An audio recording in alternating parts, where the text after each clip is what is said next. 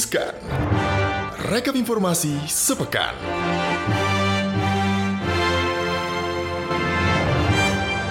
Halo Sobat Cuan, balik lagi bareng gua Daniel Wiguna dan Dan gue Angel. Nah kalau gue sama Angel atau Angel yang sama gue gitu ya Biasanya Angel sama Gibran hari ini gantian dulu ya Karena Gibrannya bolos gitu ya Bolos. Jadi gue yang gantiin Thank you ya Gibran Namanya juga top 20 influencer kak. Iya Jadi sibuk, jangan banget gitu Itu sebenarnya gue ngiri banget sih Harusnya kalau top 100 influencer gue masuk tuh nomor 99 Oh, iya. gitu ya Angel nomor 98, gue 99 Ya, aku Iya. mah apa? Nomor 100-nya Putra.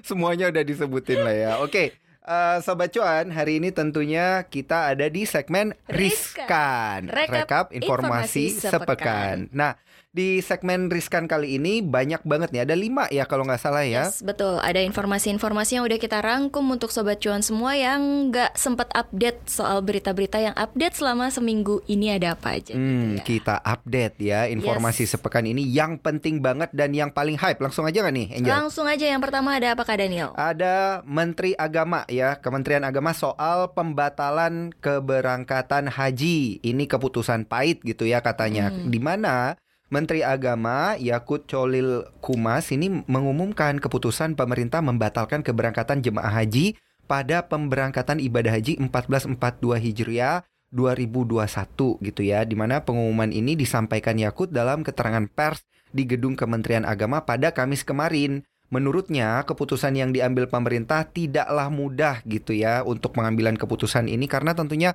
menyangkut mayoritas umat Islam yang Betul. berada di Republik Indonesia ini. Dan ini kan sudah menjadi tradisi tahunan gitu ya Mm-mm. yang sudah biasa dilakukan oleh eh, masyarakat Indonesia untuk melaksanakan ibadah haji. Nah, menurut Pak Yakut Khalil Mhm. Kaumas ini eh, katanya kami menyadari atas keputusan ini pasti dirasakan sebagai sebuah keputusan yang pahit. Pemerintah melalui Kemenak juga menyampaikan simpati yang setinggi-tingginya kepada calon jemaah haji Indonesia. Pak Yakut juga berharap keputusan ini bisa membawa keberkahan bagi bangsa Indonesia dan terutama calon jemaah haji. Mhm. Seperti yang kita tahu nih bahwa Arab Saudi kan memang sudah memperketat eh, penerimaan jemaah haji untuk tahun ini ya. Dengan jemaah yang akan diterima yaitu jemaah yang sudah mendapatkan suntikan vaksin COVID-19 dari vaksin yang sudah menerima emergency use listing prosedur dari WHO. Vaksin yang dimaksud itu ada Pfizer, Moderna, Johnson Johnson, dan AstraZeneca. Sementara tuh Indonesia saat ini menggunakan AstraZeneca Mm-mm. itu masih dalam jumlah yang terbatas gitu ya. Mm-mm. Sementara vaksin yang paling banyak digunakan di Indonesia adalah Sinovac.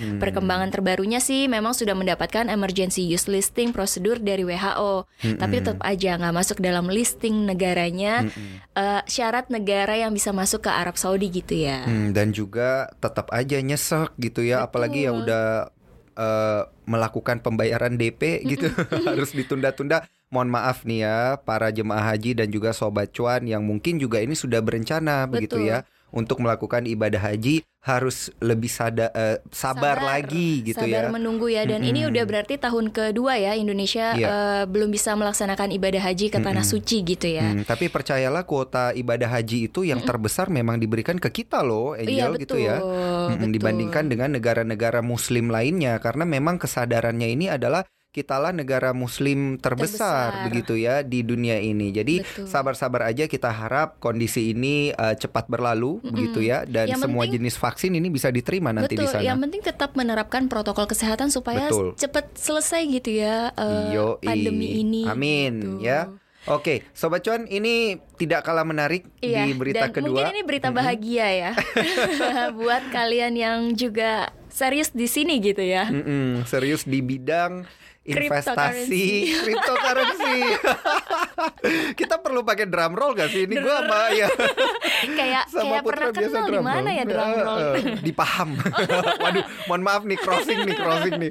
Oke, jadi eh, berita kedua kita ini adalah investor kripto ini harus bersiap-siap Hmm. karena bursa kripto di NKRI lahir tahun ini guys. Wuh, Pasti buat udah gak mereka. sabar nih sobat cuan Mm-mm. yang investor-investor kripto ya kan. yang cuannya udah banyak di kripto apalagi ya dan yang masih scalping scalping gitu uh, bisa berbahagia begitu ya karena Kementerian Perdagangan ini akan membuka bursa komoditi kripto Bitcoin CS di Indonesia. Bursa komoditas kripto ini targetnya sudah bisa bergulir pada tahun 2021 di mana bursa ini merupakan wadah untuk mengawasi perdagangan mata uang kripto. Betul. Nah, Wakil Menteri Perdagangan Pak Jerry Sambuaga ini berpandangan bahwa sirkulasi mata uang kripto harus banyak di dalam negeri Betul, gitu ya, setuju, Pak. ketimbang di luar negeri supaya tidak capital outflow. Nah, ia juga menjelaskan saat ini transaksi mata uang digital di Indonesia memang sudah mencapai 1,7 triliun rupiah per hari atau kalau enggak eh, kurang lebih ya ini sekitar 9 hingga 10 persen begitu dari transaksi saham kita kan sekarang ada di kisaran 12 triliun gitu ya kadang-kadang 15 triliun jadi kira-kira 8 sampai 10 persen lah itu ya kurang lebih ukurannya nah menurut Pak Jerry fakta itu bisa menjadi sumber pemasukan negara Karena kalau Gitu. kita lihat tahun 2020 aja itu transaksinya tuh sudah mencapai sekitar 64,8 triliun rupiah. Mm-mm, Dan di betul. Tahun ini dari Januari sampai April itu udah tembus sekitar 237 triliun rupiah gitu. Hmm. Nah, dalam implementasinya sendiri nih, bursa kripto itu nantinya itu akan diatur dalam Badan Pengawasan Perdagangan Berjangka atau BAPEPTI. Karena bentuknya kripto ini kan masuk dalam aset komoditas, bukan mata uang atau nilai tukar. Nah, Pak Jerry juga mengatakan banyak yang bilang kalau aset kripto ini itu bisa dijadikan mata uang, itu tidak katanya. Karena sesuai dengan undang-undang yang berlaku, mata uang atau nilai tukar kita itu adalah tetap rupiah. Oleh karena itu, pusat pengaturannya di Bapepti. Yang udah kita tahu kan kalau pasar uang itu BI, pasar modal OJK. Nah, ini kripto ini adanya di Bapepti. Lebih lanjut Pak Jerry juga mengaku bangga karena udah banyak nih komunitas kripto di dalam negeri. Nah, menurut Pak Jerry, kenapa harus main di luar kalau jadi nanti dibuat bursa ini? Indonesia nih akan menjadi negara pertama loh di mana pemerintah mengatur bursa kripto. Nah, ini juga masih menunggu regulasi nanti regulasinya seperti apa begitu ya karena benar kata Pak Jerry dan para regulator-regulator lain di Amerika aja ini aset kripto ini dilihat tidak sebagai currency gitu ya. Dilihatnya memang kalau diatur sama pemerintah Amerika Serikat sama IRS mereka itu adalah satu properti justru. Jadi barang memang Iya. ini eh, bukan sebagai alat nilai tukar Betul, gitu sama ya. seperti dolar kalau sekarang ya. Jadi cuma jadi komoditi tapi bis- eh, belum bisa jadi alat tukar di negara Mm-mm. kita. Nah, ini berarti kalau di Bapepti itu kurang lebih transaksi aset kripto ini mirip kayak transaksi forex forex gitu Hmm, ya betul, atau betul, betul. futures Ya, misalnya komoditas emas dan lain sebagainya gitu ya. Bukan berarti tidak bisa, tapi memang harus mengikuti regulasi supaya tidak mengganggu perputaran mata uang satu negara begitu guys. Dan kemudian kita beralih ke informasi yang ketiga. Ini harus waspada. Lockdown Waspada. Malaysia ini alarm buat Republik Indonesia. Ini apa sih sebenarnya yang terjadi Angel? Jadi Malaysia ini kan melakukan penguncian nasional secara total atau full lockdown Kak Daniel dan Sobat Hmm. Cuan. Ini tuh untuk semua sektor sosial dan ekonomi mulai dari 1 Juni kemarin nih hari Selasa sampai 14 Juni 2021 mendatang. Hal ini itu dilakukan oleh pemerintah Malaysia karena setelah negara tersebut mencatatkan lebih dari 8.000 kasus infeksi COVID-19 harian. Nah, pengumuman terkait hal tersebut ini disampaikan oleh Perdana Menteri Malaysia, Muhyiddin Yassin pada Jumat lalu. Katanya, hanya sektor ekonomi dan jasa penting yang akan diizinkan untuk beroperasi. Bagi beberapa analis, lockdown yang berlaku di Malaysia ini juga menjadi peringatan penting buat Indonesia yang merupakan tetangga langsung nih dari negara tersebut. Bahkan Indonesia juga diminta untuk waspada. Nah, menurut ahli epidemiologi dari Griffith University Australia, Diki Budiman, lockdown Malaysia ini menjadi sebuah alarm jelas bagi Indonesia karena sebenarnya situasi Indonesia jauh lebih serius dibanding Malaysia. Kenapa bisa lebih serius, Kak Daniel? Ini ada beberapa alasan sih ya sebenarnya kalau kita bandingkan pendapat-pendapat dan juga data-data yang ada terkait vaksinasi dan juga penyebaran COVID gitu. Yang pertama ini mengenai pelaporan angka kematian. Mhm. Karena di tengah minimnya 3T, testing, tracing dan juga treatment dan sistem pelaporan kita, angka kematian Indonesia ini jauh lebih tinggi dari Malaysia. Tapi kalau kita lihat dari sisi logika, ada kemungkinan memang hal ini cenderung akan terjadi begitu ya, mengingat jumlah penduduk kita memang jauh Lebih lebih banyak, banyak, daripada betul. Malaysia begitu ya. Dan yang kedua, jumlah testing yang dilakukan. Nah, Malaysia ini dapat melaporkan angka yang cukup besar dari hasil testing dengan rasio 3 per 1000 atau jumlah tes yang dilakukan di Malaysia ini hanya memberi uh, per seribu populasi itu tiga kali lebih tinggi dari Indonesia. Hmm. Dan yang ketiga ini laju vaksinasi di mana Malaysia sudah paling enggak ini memberi satu dosis vaksin kepada 0,2 persen per 100 orang dalam seminggu. Sementara Indonesia hanya memberi 0,15 persen per 100 orang per minggunya. Nah ini berdasarkan data dan juga riset yang pernah gue lakukan udah dipresentasiin juga di CNBC mhm. Indonesia mhm. TV bahwa Indonesia sendiri itu persentase vaksinasinya yang uh, udah mendapatkan dua kali vaksin dari mm-hmm. total penduduk mm-hmm. kita gitu ya kalau kita bandingin itu jumlahnya ada di 3,8 persen ya empat persenan lah 4 gitu. Ya? Uh, uh, sedangkan kalau kita pengen herd immunity kan harus 70 persen. Bloomberg jauh. masih jauh banget. Betul, Bloomberg betul. pernah meramalkan kita itu vaksinasinya baru bisa kelar setelah Dua, 10 tahun iya, guys. 2030 2030an gila yang bener aja. Sampai kapan kita harus dalam kondisi kayak gini gitu kan? Iya. pa Pasti pemikiran para sobat cuan yang udah pengen traveling ke luar negeri gitu. Dan pengen buka masker kayak negara-negara tetangga iya, kita ya. negara tetangga kita yang lain ini udah pada buka masker gitu ya. Dan keempat ini angka positivity rate di mana Malaysia hingga saat ini stabil di angka 6% dan masih di bawah Indonesia yang mencapai 10% gitu okay. ya. Ini semua kembali lagi ke kesadaran kita sebagai warga negara Indonesia uh, hidupnya harus lebih sehat, lebih bersih dan harus lebih bisa menjalankan protokol 5M itu ya, Betul. ya, menjaga jarak, mencuci tangan, hmm. mobilitas juga dijaga, Betul. kemudian memakai masker dan lain sebagainya gitu ya supaya nggak makin banyak penyebaran COVID-19 apalagi dengan varian, varian yang varian baru, baru itu ya B1617 gila gue nggak bisa lupa itu ya udah kayak plat mobil ya iya. B1617 dan banyak sekarang udah ada blasteran-blasterannya juga nih kadang uh, uh. sobat cuan kan dan uh, dampak dari uh, lockdownnya Malaysia ini kan tidak hanya berdampak untuk COVID atau pandemi mm -hmm. sendiri ya untuk iya. Indonesia yeah. tapi juga bisa berdampak untuk perekonomian Indonesia juga kan mm -hmm, karena kan betul, uh, betul, betul. Malaysia ini termasuk satu dari 10 negara ekspornya Indonesia mm -hmm. yang terbesar mm -hmm. gitu kan.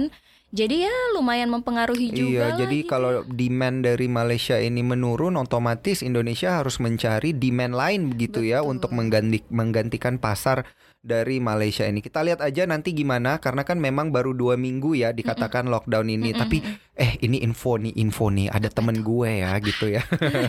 gosip dikit, gosip dikit. Gak gosip sih ya. Jadi ini beneran ada temen gue, itu dia nikah sama orang Malaysia. Mm -hmm Terus uh, sayangnya dia kalau nggak salah izin tinggalnya itu masih belum izin permanen. Nah, oh. jadinya dia harus dis disuruh balik gitu, iya, ditawarkan harus bener. balik ke Indonesia demi kebaikan bersama terpisah deh tuh dengan istrinya. Istri dan anaknya iya, ada di iya, Malaysia, di Malaysia, sedangkan dia masih hmm, di sini gitu ya. Satu tahun gitu katanya harus terpisah. Ya kita lihat aja ya, moga-moga kebijakannya cepat uh, di gimana ya, disesuaikan gitu ya, sobat cuan. Dan kita beralih nih dari uh, kondisi COVID-19 dan juga lockdown di Malaysia kita terbang ke wilayah Eropa karena di wilayah Eropa ada yang lagi cuan yang wow. habis ditabok duit satu triliun guys. Yang Aduh. jelas itu bukan gue. Siapa tuh? Rasanya gimana tuh tadi ditabok, ditabok uang satu ditabok triliun. duit satu triliun tapi pakai duit receh semua. gimana rasanya? Siapa sih ya, ini yang dapat tabokan? Nih, Kak, uh. Chelsea setelah menanti 9 tahun Kak mm -hmm. akhirnya ditabok nih pakai uang satu triliun lebih. Enggak apa-apa. ya, jadi setelah menanti 9 tahun klub Liga Premier Inggris Chelsea akhirnya kembali menjadi juara Eropa. Way congratulations ya. Mm, Di laga final Liga Champions Eropa, si biru menekuk sesama klub Liga Primer Manchester City. Nah, tidak hanya meraih gengsi sebagai yang terbaik di Eropa, Chelsea juga menerima hadiah uang yang tidak sedikit. Berapa uang yang diraup Chelsea selama berkompetisi di Liga Champions musim ini? Nah, mengutip dari keterangan tertulis Federasi Sepak Bola Eropa atau UEFA, Uh, setiap klub yang masuk ke babak penyisihan grup mendapatkan uang pangkal 15,25 juta euro Buset. atau 266,15 miliar. Buset, kalau dapat tuh mau ngapain nih kita ya? Beli uh, sama apa kita ya? Beli Angel? cendol bisa berenang sih kak. Itu lu beli pabrik cendolnya kayaknya ya. Dan ini kalau kita lihat juga ya Angelnya hmm? di fase grup ini setiap kemenangan akan mendapatkan bonus 2,7 juta euro atau okay. setara dengan 47,12 miliar rupiah dan hasil seri mendapatkan uang hiburan, buset. Seri, Seri dapat uang hiburan gitu ya Iya. 900 ribu euro atau 15,71 miliar rupiah Miliar. auto tajir ya seri juga tajir nggak usah effort Uh, kan uh, ya. Nah kalau musim ini Chelsea itu tergabung di grup E bersama Sevilla, Krasnodar dan juga Rennes di mana Chelsea menjadi juara grup dengan empat kemenangan dan sekali imbang. Dengan demikian kalau kita hitung-hitung Chelsea mendapat hadiah 11,7 juta euro atau setara dengan 204,2 miliar rupiah selama babak penyisihan grup. Kemudian setiap klub yang lolos ke babak 16 besar atau per 8 final ini mendapat hadiah 9,5 juta euro atau 165,8 miliar rupiah buset. Ini masih belum Ini semuanya masih loh panjang Pak. hitungannya loh. Pokoknya nih ya. Kak. Terakhir nih Kak, sang juara itu total total total dari yang kita nggak bisa sebutin satu-satu itu kan. Total yang diperoleh Chelsea selama partisipasi di Liga Champions musim ini adalah 62,7 juta euro atau setara Hmm. 1,09 triliun rupiah. Nyaris 1,1 Hmm. triliun ya. Waduh, ini sih kalau udah dapat segini mau dibagi-bagi eh, ke para pemain juga tetap aja banyak, banyak, duitnya ya. Uh, iya. bisa beli eh, ini kalau sobat cuan pasti mikirnya mau beli aset kripto apa lagi gitu ya.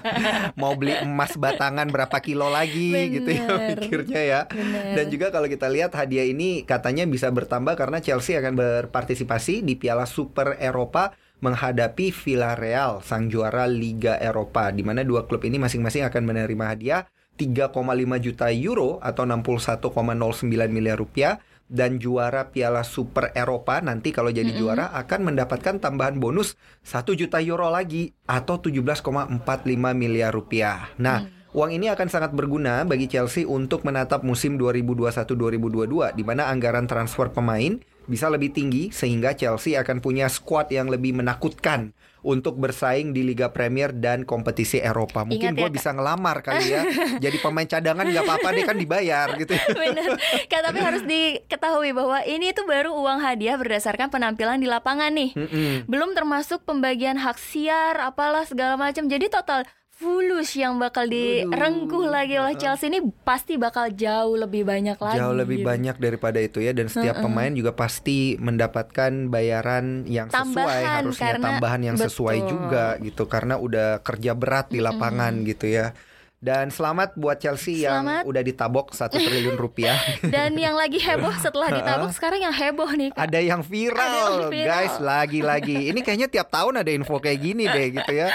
Yang viral mahar nikah beauty vlogger saham 305 lot gitu ya. Maharnya udah Iya. pakai saham nih sekarang. Kekinian ya kak. kekinian banget gila ya. Karena kalau kita lihat berita viralnya baru-baru ini warganet ini tengah dihebohkan dengan pernikahan beauty vlogger bernama Nanda Arsinita dengan Ardia Triwantoro. Triwantoro Kak ya. Nanda Arshinta kak. Mm-mm, Arsinta ya. Aduh. Betul. Ini gara-gara ngelihat sahamnya 305 lot ya. 305 lot lumayan ini karena ternyata saham yang dibeliin itu adalah mahar atau mas kawin yang berupa saham MDKA ya, Merdeka Copper Gold senilai 305 lot dan 21 gram logam mulia. Uh. Kalau satu lotnya itu MDKA nih kak, aku catat Mm, ada mm, mm. 2720 Nah, jadi 2720 dikali Kali ti- 100 dulu, dikali baru 100 dikali 305 sekitar Heeh. 829600000. Waduh, berapa tuh? Suka banget kalau yang nolnya banyak ditambah 21 gram emas lagi. Kalau eh, 10 gramnya nih eh, logam mulia itu sekitar 9 juta 211 dan 1 gramnya 968 ribu jadi total-total ya 20 jutaan lebih kali ya. Mengutip dari Wallipop nih kan, Anda itu mengungkapkan katanya kalau mahar tersebut disesuaikan dengan tanggal pernikahan mereka karena kebetulan sang suami adalah investor dan pemilik kelas saham Rise Arrow. Akhirnya dipilihlah logam mulia untuk investasi jangka panjang. Untuk nominalnya sendiri disesuaikan dengan tanggal. Oh, ternyata punya arti, Kak. 305 lot saham MDKA itu dan 21 gram logam mulia itu maksudnya adalah tanggal 30 bulan, Bulan 05 5, tahun tahun 2021 2021 gitu dan Oh, ternyata oke. mas kawin Menarik saham ini ya. tuh masih sah menurut hukum dan agama karena saham itu ada value-nya dan menurut uh, MUI gitu ya, mahar yang diberikan suami kepada istri itu kan harus berupa uang, jasa, dan turunannya. Intinya barang yang bermanfaat. Makanya saham itu diperbolehkan karena saham adalah turunan dari barang dan uang. Menarik menarik ini. Dan Jadi keadaannya udah nyiapin belum? Eh, ini waduh, waduh, waduh, waduh, skip. Kalau nanya gue masalah itu mending kita skip dulu gitu ya sobat cuan karena karena kita sudah selesai ya karena kita udah selesai gitu. Nanti makin lama Cuan. bisa curcol gua di sini kayak gua sama Putra jadinya ya. Oke, kurang lebih itulah dia tadi ya ada lima berita yang paling viral di sepanjang pekan ini dan Betul. paling banyak diperhatikan oleh para sobat cuan. Semoga memberikan inspirasi dan juga masukan-masukan informasi menarik Amin. ya dari cuap-cuap cuan dan dari segmen Riskan Rekap Informasi Sepekan. Gua Daniel Wiguna dan Angel pamit. Jangan lupa ya Sobat Cuan dengerin terus eh, podcast kita di Spotify, Apple Podcast dan juga Google Podcast. Terus jangan lupa subscribe YouTube channel kita di Cuap Cuap Cuan dan komen deh kalian mau kita ngebahas soal topik apa sih yang menarik yang pengen banget kalian denger gitu ya. Yo Sampai jumpa lagi di hari Jumat minggu depan Sobat Cuan. Oke, bye sobat Bye, cuan. Sobat Cuan. Happy cuan. Happy weekend.